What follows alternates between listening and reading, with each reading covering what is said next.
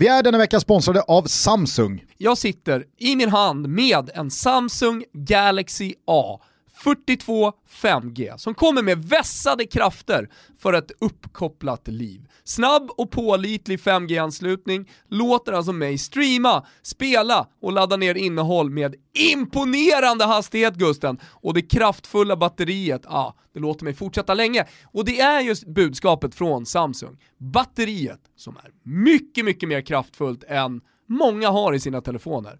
Summa summarum så är det en mycket prisvärd telefon och man får väldigt mycket telefon för pengarna. Också en kamera som är otrolig. Men det viktigaste för mig är den stora Infinity U-skärmen. I och med att jag streamar så mycket fotboll och alltid vill ha en second screen. Den gör mitt liv så mycket bättre. Jag kan bara rygga dig på alla dina fina ord här om Samsung Galaxy A42 5G. Vilken otrolig telefon. Ja, snabb och kraftfull och sen så, precis som jag sagt, en massa bra grejer med den här telefonen som gör att alla måste ha den. Plus 5G ready, som alltså betyder att den är förberedd att stödja 5G-nätverket. Gå in på samsung.se och läs mer om Galaxy A42 5G.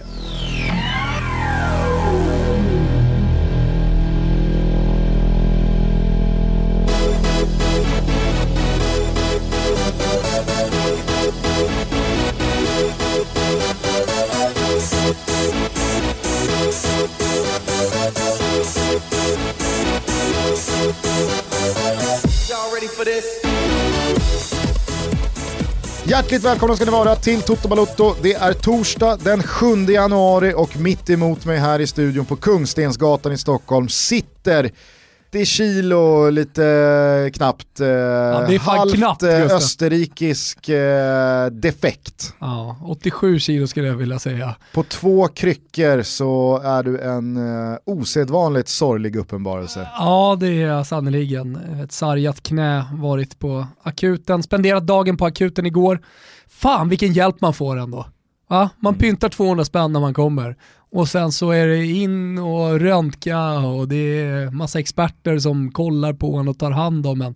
Jag njöt fan, det är många som tycker att akuten är jobbigt och jag tänkte så inför också. Men jag hade, ja, men jag hade en lärorik stund med, eh, med doktorerna på Södertälje sjukhus. Alexander, otroligt jävla vass gubbe. Vad, vad är det du har gjort då? Är, är, har... är, det så sorgligt som uh, många befarar? Ja, det är så sorgligt. Gubbbollen va. Uh, fått ett vridet knä, ja, det, det, är, det är inte mer spektakulärt än så.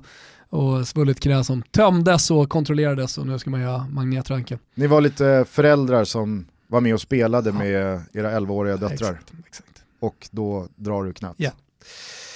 Det är så sanslöst alltså. Hur mår du annars då? Eh, mycket bra, mycket bra. Jag var så jävla glad igår när jag såg Keita Balde spela fotboll.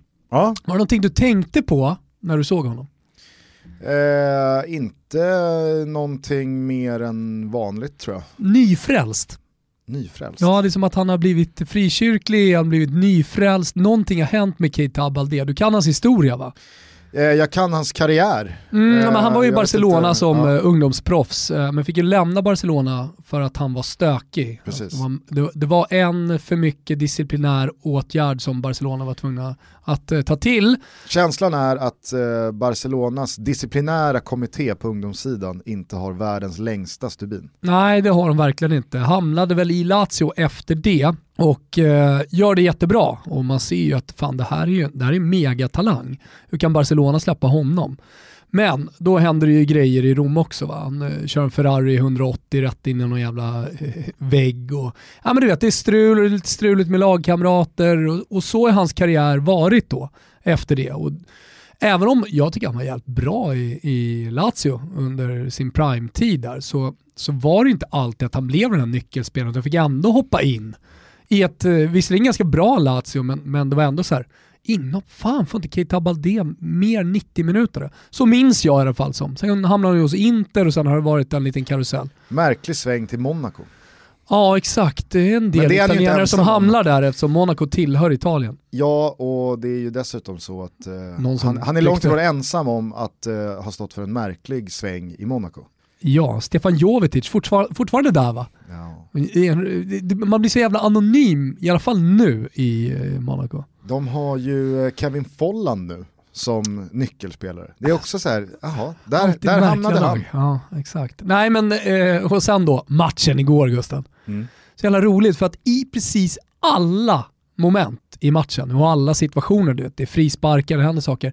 Då ska han dit och klappa om, ska, och, och ska dubbelchecka, du vet, efter att så här, om han då har eh, ja, sänkt någon så är han först där, klappar om och väldigt så pratig och ber om ursäkt lite för mycket. Och sen när han är på väg därifrån så liksom, oh, oh, du, det är lugnt va? Vi är lugna du och jag. Ja, det är lugnt. Ja, bra. Och sen så är det sådär hela tiden, han hamnar hos Conte någon gång, ramlar ut, du vet. Uh, och Conte säger någonting och han liksom, ah, förlåt, förlåt, men det var ju du som fick frispark, det var någon som sparkade ner dig. Men inte be om ursäkt. Och så där var det då hela matchen en nyfrälst Keita Balde. Jag har inte läst någon artikel om det, men om jag gör, alltså, jag skulle inte bli förvånad om jag googlade lite på honom. Om jag fann någon slags eh, religiös vinkling i Keita Baldes nya jag. Kanske var då de här svärmarna av vita duvor något slags tecken från Kanske Moder Jord och Gud himself. Keita Balde såg ju definitivt det som en, som en symbol från Gud. Liksom. Ja. Eh, du pratar i alla fall om eh, Sampdoria-anfallaren Keita Balde som avgjorde matchen mot Inter igår med sitt 2-0 mål. Det slutade ju 2-1 och Inter gick på första ligatorsken på 8 matcher. Man hade åtta raka segrar inför den här. Och sannoliken ett slagläge på serieledningen eftersom Milan, extremt skadedrabbade avstängningsmässigt och covid, eh, skulle ta sig an Juventus senare under kvällen. Men Alexis missade straff efter drygt 10 minuter och sen så eh, stod Inter för en sån här hopplös insats ännu en gång i ett skarpt läge. Eh, Lukaku på bänken från början och Visst, det, det, det fanns säkert någon skavank som motiverade honom där, men i och med att han sen hoppar in med en halvtimme kvar så var han ju uppenbarligen fit for fight för att kunna spela fotboll. Han, han brukar ha den där lår prylen? Nej, men det var ju också synligt eh, kyligt igår. Det var ja. ju lite liksom... Jo men du eh, har inte den på ena benet, för så upplevde jag att han hade. Kanske frös lite mer om Aha, okay. ena mm. buggen. Ja, man hade andra. väl någonting och i och med att det är tight nu och det är många matcher så är man ju extremt försiktig. För jag känner för att revidera det där vi pratade om tidigare, vem är viktigast för laget? Ronaldo, Lukaku eller Ibra? Då sa jag Ibra. Men eh, jag skulle nog vilja placera Lukaku högst, alltså utan honom så tappar man väldigt mycket tyngd framåt. Om man kollar på de ersättarna som finns i laget så tycker jag ändå så här, Leao och Rebic har gjort det bra i Zlatans frånvaro mot de mindre lagen. Uppenbart igår att han behövs, det får vi väl återkomma till i de stora matcherna. Men, eh, men eh, Inter utan Lukaku, om man slänger in Alexis Sanchez, eller om man nu skulle slänga in Perisic på topp, det spelar liksom ingen roll. Det, det, det, man tappar så jävla mycket. Jag kände igår efter straffmissen där att eh, det där kan ha varit mm. eh, slutpunkten för Alexis Sanchez på den absoluta toppnivån. Visst, jag eh, är den första att skriva under på att Alexis Sanchez bara har varit en skugga och en spillra av sig själv senaste åren. Egentligen det är vi medvetna om. Ända sedan han lämnade Arsenal för United och stod för den märkliga presentationsvideon när han spelade piano, Just. kommer ihåg. Mm. Och sen så skeppades han ju till eh, Inter, det var väl så till en början att United pröjsade Inter mm. för att de skulle ta honom på lån. Så alltså det var väl inte bara att United står för, för fiolerna i, mm. i lönekuvertet utan det fanns även liksom en Då vet man att spelare har dalat. En reverse lånesumma. Det mm. brukar ju vara liksom så här, ja men antingen så får ni köpa spelaren för 40 miljoner euro eller 35 miljoner euro. Typ Weston McKennie va? Mm. Där har väl Juventus pröjsat Schalke 4,5 miljoner euro för att låna honom. Ja men det är ju det vanliga. Och så brukar det många spelare. gånger tillkomma någon slags köpoption mm. eh, vid, vid lånets slut och så vidare. Men här är det alltså United som betalar Inter. Här har ni 5 miljoner euro. Så du slipper se skiten. Ta honom bara, ta honom på lån. vi pröjsar lönen. Det är alldeles oavsett ingen, ingen historia som ska kollas upp, utan så är det säger ja. vi bara. Eh, sen hade han väl en ganska så bra start, men just borta mot Sampdoria va? Skadade han väl sig? Ja, exakt. Eh, I förra säsongen. Nej men han har inte varit dålig. Nej men han, han, har ju heller inte fått det här lyftet och så har det funnits en konkurrenssituation, inte minst från Lautaro och Lukaku på topp, som har gjort att han har ju aldrig gjort någon plats till sin eh, i det där laget över en längre tid.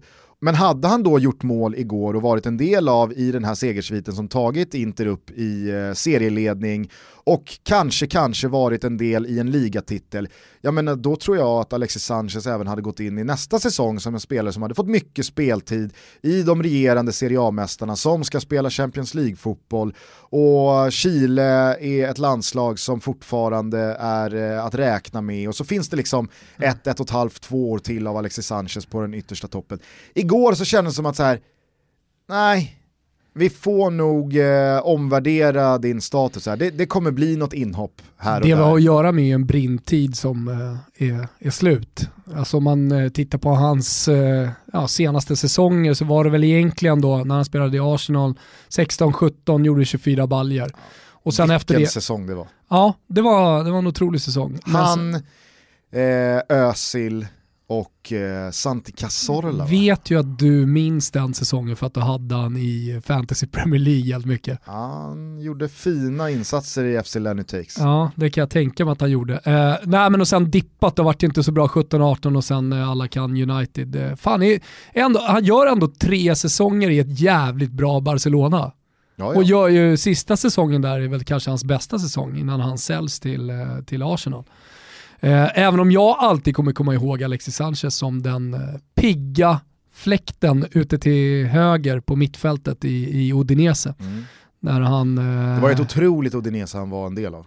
Det var för att vara Udinese ett otroligt lag, absolut.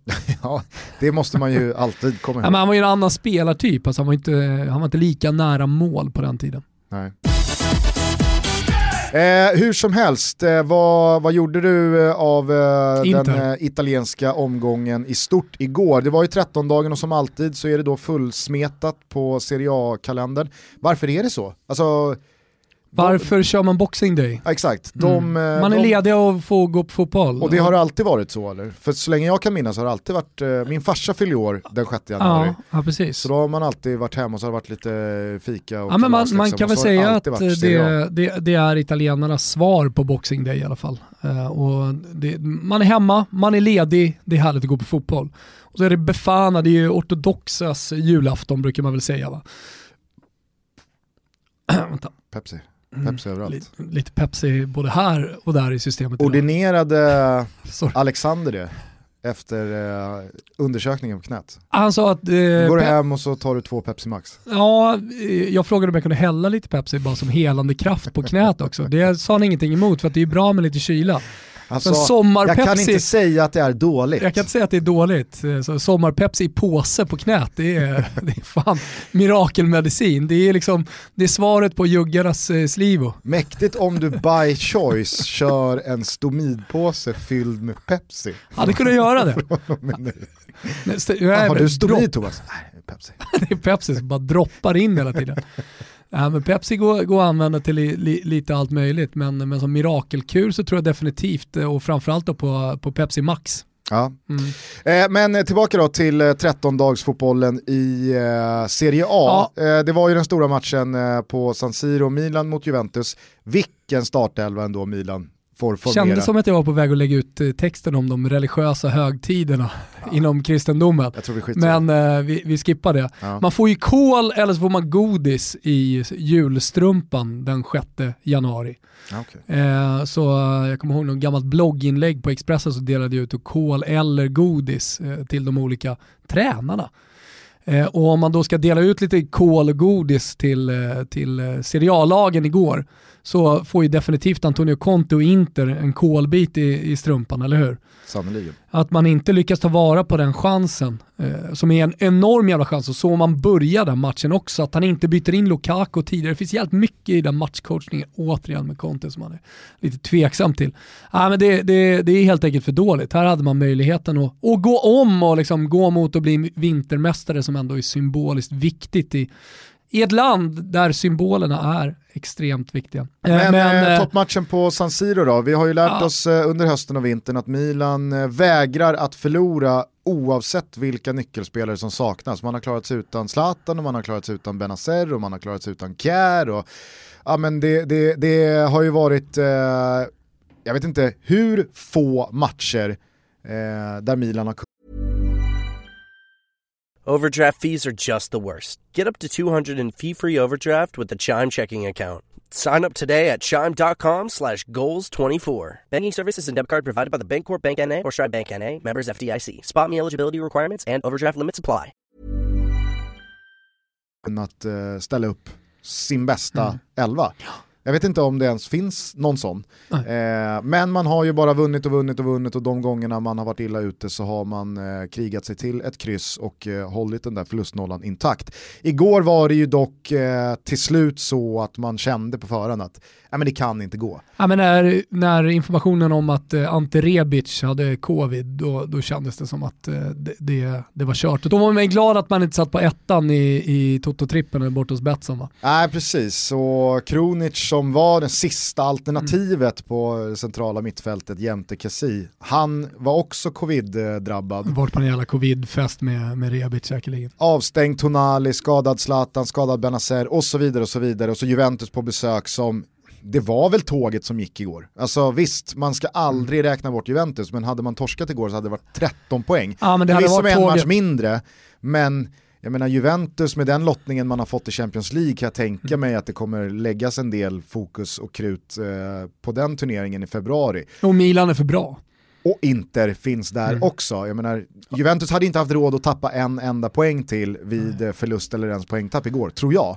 Eh, men eh, man gräver ju fram en, eh, en imponerande seger. Ja, alltså det som är mest imponerande tycker jag ändå är, eh, det är inte konstigt heller, men, men Kesas utveckling, om vi bara liksom får stanna hos honom lite, som många garvade åt när han kom. Jag var en av de som eh, njöt lite extra i och med att han kom eh, från Fiorentina och gjorde den förbjudna flytten och han var eh, Il Ragazzo Gioca Bene-killen eh, som man sjöng om i kurvan. Eh, spelaren som dels är eh, konstnärsson till eh, pappan som eh, firade stora trumfer på 90-talet. Dels uppvuxen i Settignano precis utanför Florens på kullen alltid varit äh, men, en av de stora talangerna i akademin som kommer upp, gör det bra i primaveran och sen hela vägen in i A-laget och är liksom den viktigaste spelaren. Hade det här varit på 80-talet så hade han förmodligen spelat i Fiorentina, kanske hela karriären. Eh, men eh, i det här fallet då så, så lämnar han och jag tycker så här, med, eh, med Kesa, dels är det ett eh, tränarmisstag tidigare och dels så har det väl varit hans stora liksom steg att ta, att börja göra mer poäng. Han var satt lite som högerback ett tag i Fiorentina och det var ju oerhört märkligt eh, beslut. Mm. Och eh, Han hamnade allt som oftast långt från mål, men när han hamnade närmare mål så gjorde han inte de poängen som han behövde. Han var svagare i avsluten och eh, han var ofta ganska självisk, han kände, det kändes som att han spelade med sig stor press på sina axlar att faktiskt lösa poängen till Fiorentina. Ett Fiorentina som ja, men hade bytt ägare eller som var på väg till och med tidigt att byta ägare. Det var mycket strul runt omkring. Så att jävligt, jävligt mycket ansvar att ta för en ung kille som kommer upp från akademin. Så kom han till Juventus och i början fick man se lite samma Kesa, som inte riktigt kom förbi sin motståndare, som inte riktigt lyckades hota målet och som inte hittade framspelningarna heller. Och så läste jag idag eh, intervjun från eftermatchen igår med honom. Och just att han gör det här målet med vänster, det är ju ett Kulusevski-mål han gör när han kliver in från högerkanten och, och hittar Kulusevski-masken. Nej, men då pratar han om just avslutet och vad det är han har jobbat med och hur han har arbetat för att faktiskt utveckla målskyttet. Och han har ju varit väldigt medveten såklart om det själv. Men han, har, han, är, han har nött ända sedan han kom på ett sätt som han aldrig har nött tidigare. Genom att dels kolla på Dybala, dels kolla på Ronaldo. Så han har haft en vänsterfot att titta på, han har haft en högerfot att titta på. Och verkligen gnetat och gnetat och gnetat. Så han säger det, alltså det, det här målet hade jag inte gjort om jag inte hade varit i Juventus, om jag hade inte fått eh, den coachningen som jag fått under, under hösten. Eh, så, så, att, så här, ja men fan att det går att utveckla eh, spetsegenskaper även om man är liksom 13 plus. det, det annars väldigt mycket som ska lösas under golden age, vet du Gustav. Ja. Ja, men det, det, det, tyckte jag, det tyckte jag var jävligt häftigt. Och sen ska det också sägas när man pratar om, om Kesa att eh, det här gör ju att Kulusevski hamnar lite längre ifrån startelvan. Nu kan han spela på fler positioner, men han kommer inte spela ute till vänster speciellt mycket tror jag. I och med att eh, Ronaldo i stort sett alltid kommer utgå därifrån. Eh, han kommer inte spela speciellt mycket ute till höger i och med att Chiesa numera har en fast plats. Han är dessutom italienare, det ska du veta. Sånt gör skillnad i Juventus. Mm. Eh, och det skulle vara då om man konkurrerar med McKennie som också har utvecklats efter en fin start, lite sämre då, en liten nedgång, lite som Kulusevski men ändå fått mycket speltid. Och sen då eh, hoppat in. Sen, när man ändå säger det, ska jag avsluta med att det ändå, ändå jävligt ballt att Kulusevski kan komma in och vara så bra och bara liksom borra ner skallen, inte låta sig påverkas av att han är petad och att hans kanske största konkurrent till en startplats eh, gör en sån monstermatch och är själv då bidragande till att man sätter spiken i kistan och bidragande så pass mycket att det liksom är hans mål. Det är öppet mål för McKennie när han slår in det. Så att, ja men fan, jävligt imponerad av Juventus. Eh, äntligen får Pirlo till det, äntligen får Kesa till det och eh, någonstans där i bakvattnet finns ändå Kulusevski. Juventus att tycka om. Jag eh, håller ju med om att eh, Pirlo verkligen eh, ska ha cred efter en sån här match. Men jag tänkte faktiskt vid det där dubbelbytet direkt på 2-1 att nu spelar han högt. För det var inte 3-1 Kesa hade Nej. gjort och det var en tvåmålsledning. För då är det ju ett logiskt dubbelbyte att göra, att sätta in McKennie och Kulusevski som båda inte minst då Kulusevski löpstarka, kan transportera bollen, kan döda matchen på ett annat sätt än kanske en Dybala som blir lite isolerad. Har ju tidigt också, Kulusevski. Ja, men för att det är ändå borta mot Milan som gång efter annan i snart ett år har krigat in sena mål och som är tunga, och som har självförtroende, som har en tro på att det här går. Och det är ju ett Juventus som inte alls har sett lika solida ut bakåt som tidigare upplagor. Gör Milan 2-2 där med 15-20 minuter kvar. Då är det ju Juventus som måste gå framåt för det är Juventus som måste vinna matchen. Och att då i samma byte, direkt på 2-1, ta ut både Chiesa som uppenbarligen har en riktigt bra kväll på jobbet och Dybala eh, som, eh, det visar han ju inte minst eh, i, i ledningsmålet, kan göra allt från ingenting. Alltså att ta ut båda dem i samma dubbelbyte sätta in två så unga, oprövade i sådana här sammanhang, eh, spelare som Kulusevski, McKennie. Jag tyckte det var högt spelat. Sen ja. så är det ju McKennie och Kulusevski som avgör matchen med 3-1 målet och, och, och, Pirlo får rätt till slut.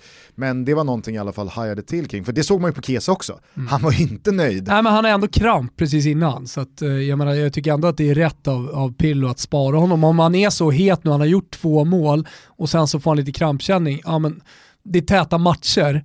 Uh, han är numera nyckelspelare i anfallet. Mm. Han är bäst på plan igår. Han, uh, han är klart bättre än Cristiano Ronaldo. Det är hans match och det är den stora matchen. Tancredi Palmeri skrev det, kopierade det, att det var den största Milan-Juventus sen Montaris spökmål. Det, det, det, har ni helt rätt i. Alltså sett till betydelsen som du är inne på, att de kan sågas av. Eh, ett Milan som verkligen är tillbaka, eh, som kan ta ett jättekommando vid en seger. Ja, men eh, det, det, var en, det var en enorm match eh, och dessutom då så här kvällsmatch, eh, ingen konkurrens från andra ligor, folk är lediga.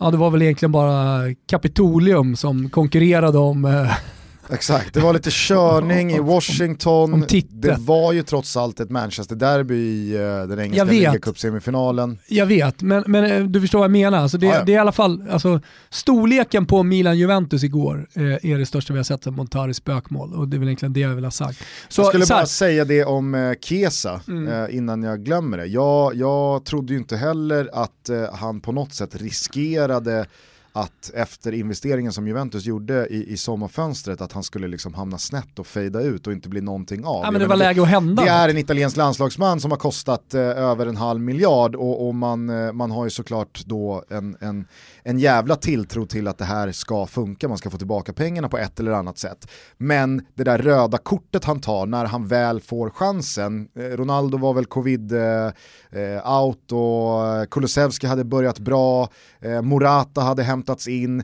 Dybala hade ännu inte liksom eh, kommit tillbaka fit for fight, redo för säsongen. Det var liksom Kesas stund att visa att jag är här nu och jag är en minst lika eh, stor konkurrent som alla andra i det här anfallet och så tar han ett idiotiskt rött kort borta mot Crotone som kostar dem två poäng och man känner, kommer en avstängning och sen kommer Ronaldo tillbaka och Kulusevski är i form och Dybala ska tillbaka och Morata ska börja göra mål där kände jag att nu kan Chiesa hamna ganska långt bak i ledet. För det var ju också ett Juventus som hackade, som tappade sina poäng, som inte stod för speciellt bra insatser och i det läget så har väl Pirlo trots sin oerfarenhet som tränare ändå varit med så pass länge som spelare att då är det inte läge att börja rotera och experimentera utan då går man till eh, de spelarna som man vet att man för dagen får mm. eh, det bästa av. Ja och där, där ska ju Pirlo hyllas, allt det är ju inte bara matchtaktik liksom för, för en tränare utan det gäller ju att utveckla de spelare man har också. Eh, och vad det gäller Kesa så har han i alla fall mentalt sett till att han har varit redo för en eh, liten comeback då. Eh, och för, för nu har han varit bra på slutet och sen så igår så blir det någon slags kröning av köpet Kesa kan jag tycka. Mm. Så, ja, men nu avgjorde han den här matchen som var fullständigt fundamental för att uh, Juventus överhuvudtaget ska ha någonting med scudetto-striden att göra. Så, så uh, jag menar, där får ju Paratici och, och Agnelli och Nedved ändå någon slags fjäder i hatten och uh, jag tror att de tycker att det är lite extra skönt att det är just han som avgör en sån här stor match när man har alla blickar på sig. Så uh, det, det, det, ska bli jävligt kul att se om man, om man kan behålla den här fina formen. Om han, om han kan vara konsekvent så här bra. För då pratar vi om, uh, ja, kanske en, en av de absolut bästa såklart i offensiva spelarna i, i Italien som utgår från en kant. Mm. Men eh, då börjar vi prata om liksom, en spelare som kommer vara redo att eh, avgöra en VM eller EM-semifinal i sommar för Italien. Alltså han behöver ju ta det här eh, nästa steget att vara, att vara stor i, hos ett stort lag och i en stor klubb. Det är en sak att göra det i provinsen, det är en helt annan sak att göra det i, i Juventus. Och det är ofta det stora problemet för både unga killar men eh, andra, att liksom så komma till den, den, andra verkligheten och liksom tackla det mentalt och fysiskt och all press som finns. Så, men, men då måste det finnas kontinuitet i de här prestationerna. Mm. Han har också någonting över sitt utseende, Kesa. Något frikyrkligt? Nå, Ja, visst. Jodå. Absolut, där säger jag inte emot. Han har ju aldrig satt en modern frisyr. Men han, det, det, det... men han ser ju ut som en liten farbror. Ja, det gör han. Han är 97 97 97 Alltså släng på honom eh, någon, eh, någon yllekofta och några gabardinbyxor och ett par loafers. Alltså du, du kan ta honom för 50 bast. Ja, liksom jobba i techbranschen. ja, men sätt, sätt, honom på något torg med de där duvorna mm. från Genoa. Eh, och en, en käpp i handen. Ja, han kan se ut som, han kan se ut som Principfast 60-åring. Jag håller med om. Grå, gråa till det där håret lite. Vi är denna vecka sponsrade av Zcooly, en värld av lärande spel med fokus på matte för barn mellan 5 och 12 år med över 300 spelövningar. Jag har sett hur det har glittrat i dina ögon här senaste tiden Thomas. Inte för att du har eh, med hjälp av de här spelen tränat upp din matte. Du är ju en otrolig huvudräknare. Jag är en matematiker. Men du har tre döttrar. Mm. Eh, Florens snart fyra år, men eh, sen så har du Stella och Alba också. Exakt, en i varje ålder höll säga, eller kategori. Förskola, lågstadie, mellans, mellanstadie. Och du har eh, nästintill varit eh, över månen här. Mm. För hur eh, kul men också pedagogiskt lärorikt Skolis tjänst är. När vi växte upp så fanns ju inte den här typen av hjälpmedel, men eh, när jag såg skolan, när vi började använda det i vår familj, ja, alltså det, det, det är verkligen någonting helt otroligt. Zcooly är en app som fungerar på alla enheter, fri från reklam och köp i appen och den är framtagen och utvecklad tillsammans med erfarna pedagoger. Man kan dessutom som förälder få en väldigt bra koll och överblick på vad barnen faktiskt lär sig. Ja, nej men exakt. Som förälder, nu talar jag som pappa här till tre barn såklart, eh, så vill man ju verkligen ha den kontrollen över vad det är för någonting som de, de kollar på och vad det är för någonting som de lär sig. Och det får man verkligen här. Prova Skolis tjänst gratis i 30 dagar med kampanjkod TOTOBALUTTO. Sen kostar det här 99 kronor i månaden. Det är skoli.se totobalutto som gäller och Skoli stavas Z-C-O-O-L-Y. Man kan tänka Zlatan, cool, Y. Just det, det kan man göra. Ja. Jag bjuder på en liten pedagogisk rebus här, en mm. minnesregel. Ja men alla föräldrar som lyssnar på det här, jag rekommenderar det varmt. Så gå in och utnyttja den här eh, gratismånaden och testa på Zcooly. Det, det är det värt. Det är roligt lärande som ger en meningsfull skärmtid. Vi säger stort tack till Zcooly för att ni är med och möjliggör Toto Balotto. Stort tack! Eh, mer då från eh, Serie A-vändan, Atalanta går ju det går ju inte att räkna bort dem. Nej. Så som de ser ut när de spelar på ja, toppen av sin förmåga. Visst, nu var det Parma igår va? Mm. Eh, men... Eh, ja, Parma-skinkorna har lite att jobba på. Bara andra halvleken mot Roma här nyligen också när man trampar gasen i botten, byter in Ilicic och så tjoff, tjoff, tjoff, tjoff så gör man fyra mål. Och det här gör man utan Papugomes som man ändå får anta liksom försvinner här nu snart. Och då blir ett problem mindre att handskas med medialt.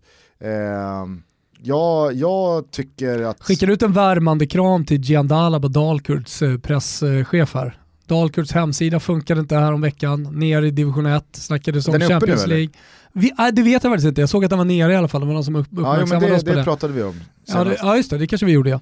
Eh, det har jag redan glömt. Men, eh, eh, och sen då Parma som är hans lag, han skriver på svenska fans för och sådär, de, de håller på att braka rätt ner i, i Serie B. Tunga tider för, för, för Sigge Dalaba. Ja. Nej men eh, Atalanta då, så de, de, de visade ju, herregud, en hel fotbollsvärld ja. redan i fjol vad de är kapabla till att göra. Nu har de ju dessutom några matcher i handen, de har ett gynnsamt spelschema, de har uppenbarligen eh, fått ordning på bitarna efter eh, den här röriga tiden med Papagomes och så vidare. Så att, eh, Nej, visst, det, det, det, det, är en bit upp till Milan och Atalanta ja. är Atalanta. Men det går ju sannoliken inte att räkna bort dem. Igår är det colombiansk fest. Eh, andra dagen så är det holländsk fest och det är det man hela tiden imponeras av med Gasperinis lag att det, det, verkar inte finnas någon nyckelspelare. Nu nämnde du Papagome som inte spelar, som man tycker kanske har varit den största nyckelspelaren. Tillsammans med Ilicic eh, de, de senaste åren. Ja, men annan, då är det colombiansk fest plötsligt. Då är det Zapata och Moriello-gänget som, som bombar in eh, kassar. Och, eh, jag vet inte om jag har upplevt något lag, oavsett om det är provins eller stor, som har en så stor spridning på målskyttar och, och nyckelspelare som Atalanta har. Det, det, det är liksom ständigt någon som för dagen är bäst. Och eh, Atalanta har väl dessutom eh, Milan just eh, om bara några omgångar. Så jag menar, kan Atalanta slå Benevento, slå Genoa hemma, slå Udinese borta, det är deras tre nästkommande matcher i ligan. Mm. Det, det, ser jag inte som fullständigt orimligt att man tar nio poäng i de tre matcherna. Då har man Milan sen. Ja, alltså en match mindre, säg att de ligger på 31 och så är man 6 poäng upp och så vinner man den mot Milan. Ja, men så här, säg att allt går, går vägen och så är man 3 poäng bakom och ligger bakvattnet inför våren och publiken kommer tillbaka och sådär. För det pratar man ju ändå om trots den stora jävla andra vågen som fortfarande sköljer över hela jävla Europa. Så uh, nej, alltså vi ska inte räkna bort det, inte för att jag tror speciellt mycket på det. Jag tror inte ens på Roma som uh, har hittat någon uh, Maradona-gubbe i Borja Majoral som slänger in två mot krottarna igår. Ja, Borja Majoral alltså.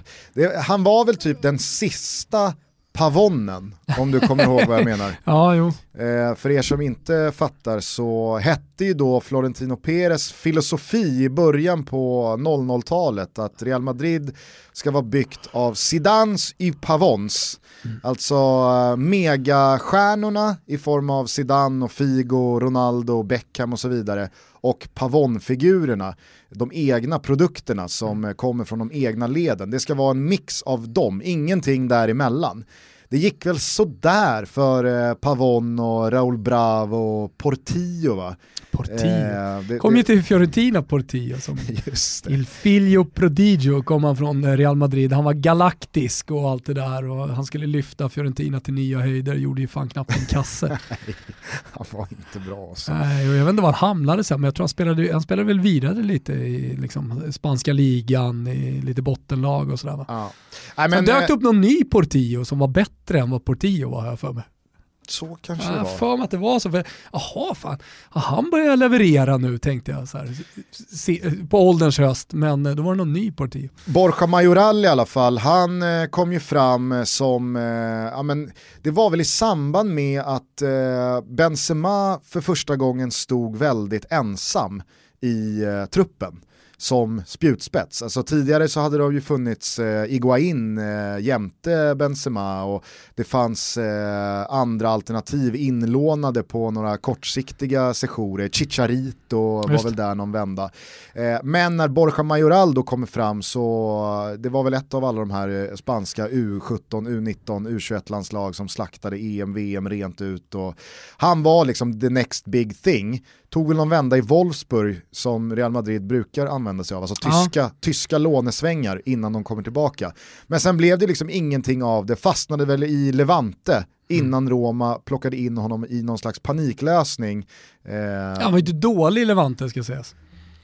Nej men, Men det var ändå inte så här, ja men nu man- ska Roma sikta mot eh, större höjder. nej. Vi tar in Borja Majoral åtta baljor i Levante. Precis, nej men visst, han var inte dålig i Levante och har man gjort det han har gjort så det, det är väl du den store förespråkaren för att så finns det ju väldigt mycket talang i en sån spelare. Det är klart att en sån spelare kan hamna jävligt Framförallt att man kan vara late bloomer, att det alltid finns en möjlighet. Sådär. Ja.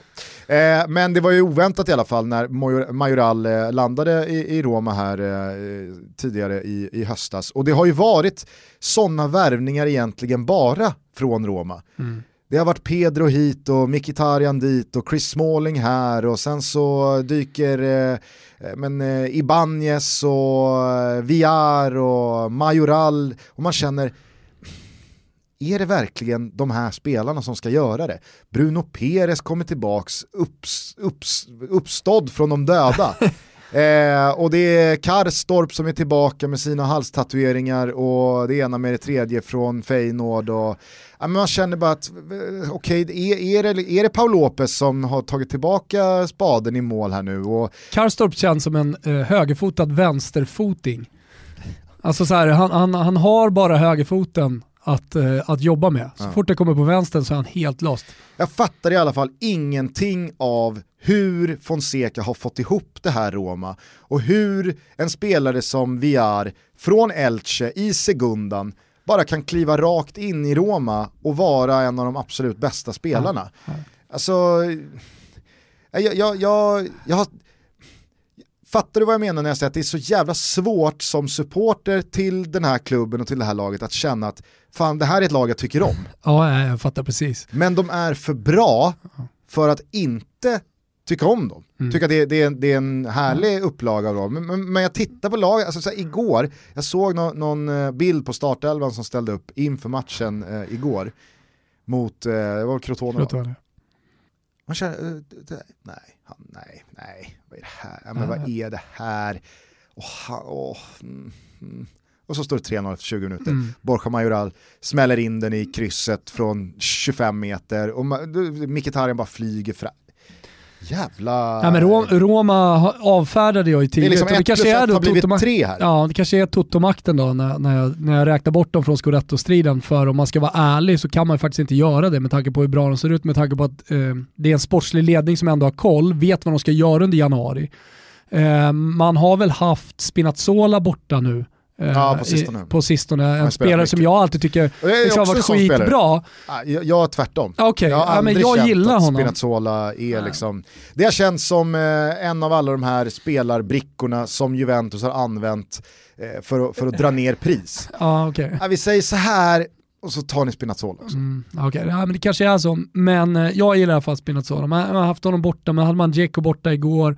Man, och, man, man känner aldrig att man, man är trygg med, med Roma. Det här blir en, blir en trygg seger. Ändå så tycker jag prestationerna, såg de mot eh, Sampdoria, när man visserligen får lida lite sista kvarten, men eh, där det är helt jävla ofattbart i hällregnet hur man inte kan leda med 3-0 Mm.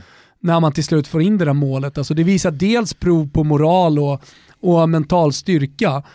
Att i, i, under de förutsättningarna ändå trycka på och ändå få in det där jävla ledningsmålet som är så viktigt. Och sen kunna lida när Sampdoria kommer, som liksom det funkar i fotboll sista kvarten när ett lag leder med en poäng. Ja. Eh, så, så, så vill jag här och nu, och då vet jag min makt också, ändå räkna med Roma i scudetto-striden. Så nu är de officiellt borta från scudetto Du får, du får välja att tolka det som du vill, Ja. men, eh, men, men det måste man nog göra.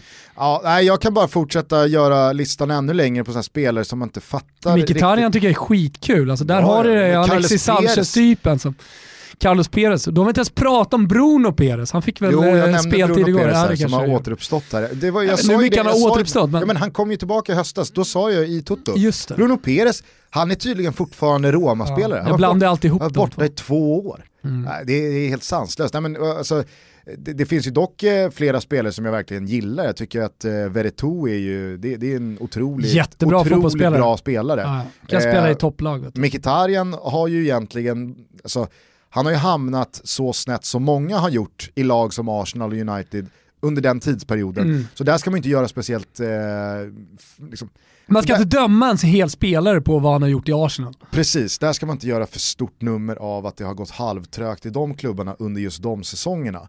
Ja, men med, med spelare som Mancini och med Veretout och när Dzeko ändå är på humör som han har varit några matcher den här säsongen så finns det ju fortfarande klass och så verkar det uppenbarligen finnas en hunger i de här spelarna som har kommit från ingenstans. Men jag tror dessutom att det finns en jävla hunger i de här spelarna som har blivit lite bortskuffade från större klubbar än Roma. Typ Carles Perez. Mm. Eh, Pedro känner att nej men okej, nu får inte jag plats längre i Chelsea. Men det är ändå Pedro som har gjort 10, 12, 14 år i Barcelona och Chelsea. Så han har ju fortfarande väldigt mycket kvar. Nej, jag, jag, mm. det, det, det, det, är någonting jävla eh, märkligt fint med, med det här Roma. Ja, men det kan man ju tycka. Eh, och på tal om då anfallare, vet du vilka två anfallare som just nu söks eh, mest till italienska klubbar? Innan vi kanske stänger den eh, italienska dörren. Alltså två namn? Ja, två namn som just nu kopplas ihop med en jävla massa klubbar. Jag Bland annat Inter, jag två hoppas, anfallare. Eh, jag hoppas att Diego Costa är någon av dem. Jag har inte sett hans namn eh, kopplas ihop med Inter idag. Inte det Nej, det är två andra namn. Ja, det är Inter specifikt? Nej, Fiorentina har nämnts, lite, lite blandat. Jag eh, ska inte förvåna mig om eh, Roma har nämnts också, men nu har ju Borja Majoral eh, liksom hittat formen så de kanske inte behöver någon nia. Ja, nej jag vet inte. Är det Giroud? Ja, det är ju Pelé och eh, Pelle och eh, Eder. De Aha, spelar ah, alltså Graziano. Graziano som, som man med, med de dubbla accengerna aldrig egentligen visste hur man ja, skulle uttala. De, de, blir ju, de tog liksom ut varandra. Problemet är att vi inte uttalar alltid, alltså vi har inte så stor skillnad på Eh, Eh, dubbelkonsonant i Sverige som man gör i, i Italien, hänger kvar på L i och med att det är två L. Så det blir det, därför. Och sen så accent efter det, det är därför det kanske blir lite svårt att uttala exakt som italienarna gör. Men eh, eh, Eder, alltså de två spelarna har ju, de, har ju, de visste ju inte ens att de spelar fotboll fortfarande. Jo, Graziano och Pelle visste jag fortfarande lyfter väl typ högst lön av alla i Kina i världen då. Ja, ja exakt. Ja, förutom Ronaldo och Messi kanske. Ja, ja men det, det, det, gör han säkerligen. Och vad jag förstår så gör han det ganska bra också. Sådär. Men vad, hur ska man värdera det ens? Ska Nej. man värdera det? Men det finns ju någon slags fysisk form i alla fall och han kan göra mål och det är väl alltid bra. Det men, där hänger väl äh, ihop nämns. med äh, det beslut som tagits i Kina angående löner. Alltså de har ju satt något slags lönetak Exakt. numera. Eh, det är därför Marcus Danielsson kunde hamna där för så mycket pengar. För att man kan inte kolla på den översta, den näst översta eller den tredje översta hyllan utan man får helt enkelt efter lönetaket då eh, börja kolla jo, på men jag liksom, tror inte, jag tror inte bara att eh, det, det, är eh, de tidigare restriktionerna utan numera har man klubbat igenom att eh, man får bara tjäna så här mycket mm. på en säsong. Och då finns det spelare, däribland de tunga europeiska eller världsnamnen som är där, som har mer än så och då måste de erbjudas möjligheten att eh, riva kontraktet. Just det. Så det låter väl logiskt då eh, ah, okay. spelare ah, jag som Graziano Pelle, att ah. Kina har, de har tagit ah. något beslut. Eh, ja för han är ju inte där och spelar för att eh, han tycker att det är kul och det, det är en nice liga utan han är ju där för cashen va. Så är det. Eh, fan, undrar hur mycket pengar han har tjänat. Kan inte någon lyssnare mejla det till oss? Ja. Eh, under, under, under okay, sin men... karriär, hur mycket, hur mycket har Graziano Pelle eh, tjänat? Graziano Pelle och Eder alltså. Det var väl de för, för två du... som utgjorde anfallsparet va, mot Sverige, EM 2016. Oh. Eller kom Eder in när han avgjorde där? När granen halkade? Tror han spelade. Ja, men Eder, Start alltså? Okay, ja. Jag tror det. Ja, det han var någon mer. slags stjärna där. Men uh, han har ju spelat i Inter tidigare. Stod man, hur, stod hur man med säga, ångest på läktaren. Overkliga namn i alla fall att läsa när man, när man, uh, när man idag liksom tar in det som skrivs om Inter. Men det stora problemet såklart då Alexis Sanchez som vi varit inne på. Alltså, då har man, har man ingen alternativ och Lukaku har inte riktigt den fysiken han kan spela varje match och han är så pass viktig så då måste man hitta någonting. Uh, och då är det de två i alla fall. Mm, Okej, okay. ja, uh, vi får väl se. De, de kan ju inte landa båda. Nej, nej, någon av dem. Nej, någon av dem. Vi är denna vecka som alltid sponsrade av våra vänner på Betsson. Nu är det dags för en ny Toto-trippel. Ni hittar den som alltid under godbitar och boostade odds. Ni ryggar med 148 kronor i hashtaggen Toto-trippel. Ni behöver vara 18 år fyllda och stödlinjen.se finns öppen för dig dygnet runt som upplever att du eller någon i din närhet har lite problem med spel. Hur lyder våra tankar den här veckan Thomas? Ja, men, eh, du var rapp och eh, väldigt konkret här så jag tänker vara likadan. Eh, jag tror väldigt mycket på Fiorentina och då är det många som tänker att de förlorade mot Lazio. Jaha, vad är det för lag? Och ta hemma mot Cagliari som de möter? Jo, de slog ju Juventus innan uppehållet. Jag tycker att Prandelli förtjänade kryss borta mot Lazio. Eh, snackar med en del Lazio-vänner, de säger samma sak. Eh, de fick Ribéry out och då har jag pratat med Fiorentina-vänner och då tycker alla att det är bra för han har inte levererat utan det är bättre att få in en annan. Så att Fiorentina tror vi jättemycket mot ett eh, sargat Cagliari. Precis, det är också en faktor. Cagliari ser inte bra ut. Nej, de ser inte bra ut och eh, sist var det jävligt stökigt så jag tror att eh, det, det, det är jättebra att sitta på Fio-sidan. Jo, på tal om Lazio då, eh, så vinner de ändå mot Fiorentina. Det är ett lag som ser bra ut, som har bra skadeläge och som har lite häng mot toppen. Eh, nu möter man Parma. Jag vet inte vad du känner för Parma Gusten, men Liverani, tränaren, har det snortungt just nu.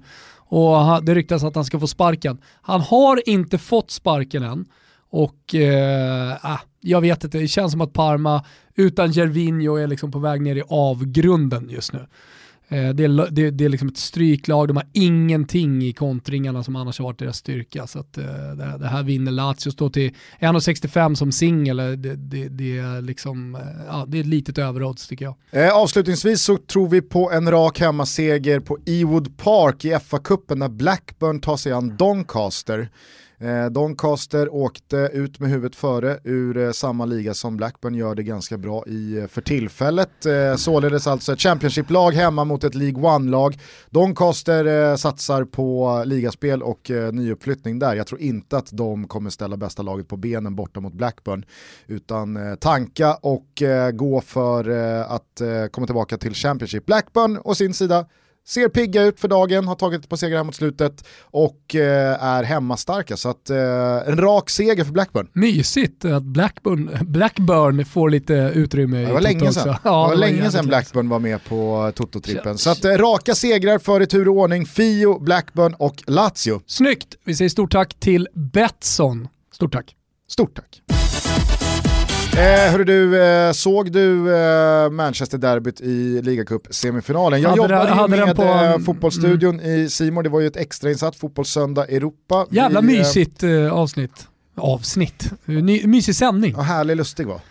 Ja men han är ju härlig. Jag tyckte det var härligt att han också bjussade på att han var nervös. Ja. Men det där kan man ändå förstå, jag menar trots att man har gjort eh, flera hundra matcher på den yttersta fotbollsnivån eh, så är det ju inte bara att sätta sig i en tv-studio och så ska man vara lika bra på det som man är på att spela fotboll. Aj, alltså det, det, det gör man någonting för första det gången. Det ska verkligen sägas med eftertryck Gustav med tanke på alla fotbollsspelare som har suttit och gjort eh, fiasko mm. i, i en tv-studio det är fler som har gjort fiasko än som har gjort succé. Och det är ju sannoliken inte så att ju bättre meriter och ju bättre spelare du var är lika med att du är en bättre Nej, expert eller bisittare i en studio. Adani är Italiens största, det är inte den största spelaren, men han, han anses vara den experten i alla fall som, som eh, får mest utrymme och som lyssnas på mest. Mm. Han är lite, han är, han är lite, han är lite bojan av sig, ja. eh, Adani. Det jag skulle komma till i alla fall, det var att vi givetvis hade fullt fokus på Milan-Juventus och eh, Athletic Bilbao mot Barcelona som vi hade parallellt. Fy fan vad sjukt det är att Iñaki Williams har spelat 175 raka La Liga-matcher för Bilbao. Mm. Alltså 175 raka matcher. Det är alltså eh, 40, 80, 120, 160. Ja, men det är över fyra säsonger. Det är mycket. Med alla matcher. Inte en skada, inte en avstängning, inte en sjukdom, inte liksom ett enda kurr eller jidder eller förtroende eh, strul med någon tränare. Äh, det, är, det är makalöst. Rekordet är i La Liga 202 eh, raka La Liga-matcher. Någon eh, lirare i Real Sociedad. Ja, men vi eh, såg ju honom hoppa in i den där uh, matchen som Alexander Isak ägde. Kommer du ihåg det på mm. Alltså kommer du ihåg hans insats menar jag. Eh, för eh, den matchen har vi pratat om i leda numera. Eh, men eh, liksom, lika stor impact som Alexander Isak gjorde, gjorde Iñaki Williams åt andra hållet. Jag tyckte han var så jävla bra. Helvete var kraftfull och snabb och så låg felprocent i precis alla tekniska moment också. Han är så ostoppbar när han får upp farten. Ah, alltså, Går, det går inte, för att han... han men är sen när så- det kommer in en spelare man bara, du du vet han syns så jävla mycket på hela planen. Ja. Nej men och sen just när han är uppe i den där maxhastigheten, då är han så bra på att bara med ett ben, en höft, en armrörelse få en försvarare att tro att nu ska han gå till höger. Och så får han över vikten på, på fel fot mot försvararen. Och så helt utan ansträngning, helt sömlöst, helt eh, ja, men friktionsfritt så glider han bara åt vänster. Är, han, han är en vacker eh, spelare att Ja, titta det på. Det här gjorde i alla fall att vi inte såg speciellt mycket av eh, United mot eh, City, men det är ju ändå en stor match. Det är ju två lag som sannoliken är på uppåtgående eller kanske rent av en riktigt bra plats för dagen. Eh, av eh, statistiken att döma och av det jag kunde läsa mig till eh, efteråt var att City imponerade. Ja, jättemycket. Alltså, dels trodde jag på dem väldigt mycket innan och det är inte bara för att de eh, spelade en bra match senast, var stort, att de har liksom, knaprat in väldigt mycket på toppen i, i Premier League. Men, men också väldigt mycket så historiskt hur Peps lag har sett ut. Alltså när de väl kommer igång, ja, men är de som en jävla ångvält under en ganska lång period framöver. Eh, och känns ganska ostoppbara. Eh, och dessutom då i ligacupen, som kanske inte är Manchester Uniteds stora fokus, Eh, varför skulle det vara mer fokus för Manchester City? Jag vet inte. Det bara är så. Ja men Pep är ju en av få tränare som går ut och säger att han vill vinna Ja, ligacupen. det är väl det då. Eh, så så jag tyckte det kändes på förhand som en... rad här. Ja. Nej men, eh, och just det här ostoppbara i, i Pep Guardiolas lag när de väl kommer igång. Så ja, det, fan, man kollar på den här Premier League-tabellen, man pratar om att det är många lag som har möjlighet att, att vinna i år. Hörde ni surrade om det igår också. Satt och, och bollade upp lite namn sådär. Eh, Aston Villa nämndes, så då var du tvungen att nämna Leicester, hörde jag Gusten. Tänkte så här, ja men gubbar, ni missar Leicester här nu. Mm. Eh, och det, det, det tycker jag du gör med all rätt. Alltså så här, det, det är verkligen en säsong där Mourinho har chansen, där Leicester har chansen. Men där jag tror att i slutändan kommer vara så att City bara liksom väller över de andra. De får liksom ingen dipp från nu in till maj. Nej, Jag, jag satt faktiskt i en uh, Betsson-inspelning i uh, går. Vi rullar ju på med resultattipset. Så. Eh, Hoffman i kvartsfinal. Det smärtar oerhört. Eh, Jultutto är avgjort och så vidare, men resultattipset eh, det, det, det fortsätter. Vi ska snart sjösätta en eh, liten miniliga vad gäller Serie A också, det blir kul. Mm. Eh, då, då blir det ju viktigt för dig, Ja. inte minst eh, på ett helt annat sätt när det kommer till. eh, Premier League. Eh, hur som helst, där satt jag och garanterade igår att City kommer ta 18 av 18 kommande sex matcher i Premier League och således har chansen att haka av Liverpool när de möts om en månad.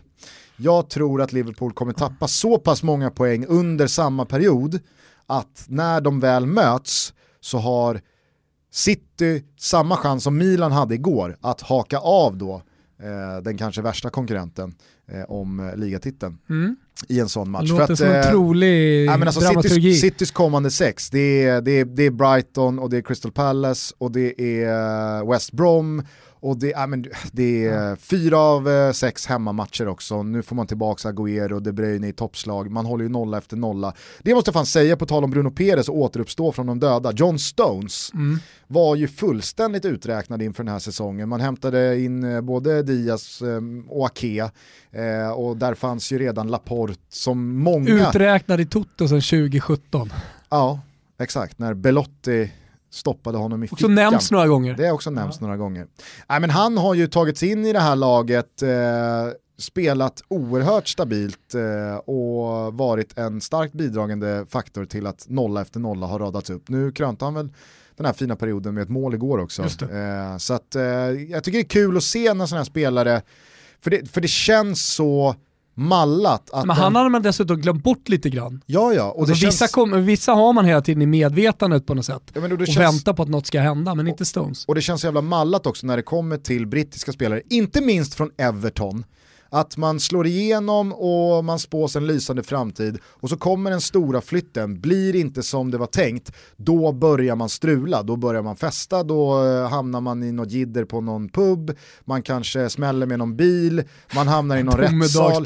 Nej, men, det, alltså, håll med om att ja, ja. man hade inte blivit förvånad ja, ifall John Stones i vår efter ytterligare ett halvår i frysboxen hade smält med någon bil och så hade det sipprat ut några filmer från någon pub där han slår någon på käften. Det hade liksom legat i linje med hur man tänker att många andra unga liksom, eh, kometkarriärsbritter som har hamnat på den yttersta nivån men som sen kört fast lite har agerat. Man hade inte satt kaffet i halsen så att säga. Nej, och det är deras vinst, alltså, precis som du säger. Och Laporte som hela tiden har sett som kanske den viktigaste spelaren i den backlinjen som har hållit ihop det, helt plötsligt inte är det längre. Han kommer inte ens in i laget nu. Nej, han gör inte det. Ja, nej, det där var det mest matnyttiga från eh, onsdagen. Det är eh, ytterligare en fullspäckad helg som stundar. Måndagstutt Toto är redo att eh, summera hela helgen? Ja, ja, vi är alltid redo. Måndagar vet ni. Då är vi där för er med svep och alltihopa. PSG ska vi hålla en extra liten koll på nu när Pochettino kommit in. Kryssade i debuten igår 1-1. Eh, Moise Ken, han är alltjämt där. Och du är tillbaka på Ken. Just det, det är ju Kinja numera. Amen. Ja, men du vet, när man är någonting första gången man uttalar ett namn så är det svårt att helt byta över. Ja. Så var under första halvåret Moise Ken, men uh, ja, vi säger väl Kin då. Hörni, missa inte all fin fotboll eh, från La Liga och Serie A i Simors kanaler. Imorgon fredag redan så är det ju dags för Codets gäng va, i Celta Vigo att ta sig an Villarreal. Tror jag kan bli en riktigt härlig match. Söndag lunch, Roma-Inter. Ja, ja men på tal om Scudetto-striderna så säg att eh, Luckan har fortsatta lårproblem och att eh, Graziano Pelle eller Eder inte har kommit. Ja, ska man ställa upp med Alexis Sanchez då? Ska man fortsätta att lufta en Christian Eriksen totalt utan självförtroende och geist och jag vet inte vad hans mentala hälsa är just nu men eh, att eh, vara ute på planen och prestera i, i, i stormatcher det, det ligger inte riktigt eh, i honom just nu. Så att eh, fan om det inte är lite läge på Roma i den fighten ändå alltså. Ja. Detta, detta, alltså, märkliga Roma. Detta svårlösta Roma. ja. ja, kanske. Eh, Juventus, Sassuolo, Real Sociedad och Alexander Isak, Real Barca, you name it. Ni ser allting via Simons eh, kanaler. Ja, och så får vi söka efter den där identiteten som vi fortfarande inte har hittat i den eviga staden. Mm. Hörni, eh, tack för att ni lyssnar. Eh, ta hand om varandra, ha en trevlig helg så hörs vi snart igen. Gör vi. Ciao tutti. Ciao tutti.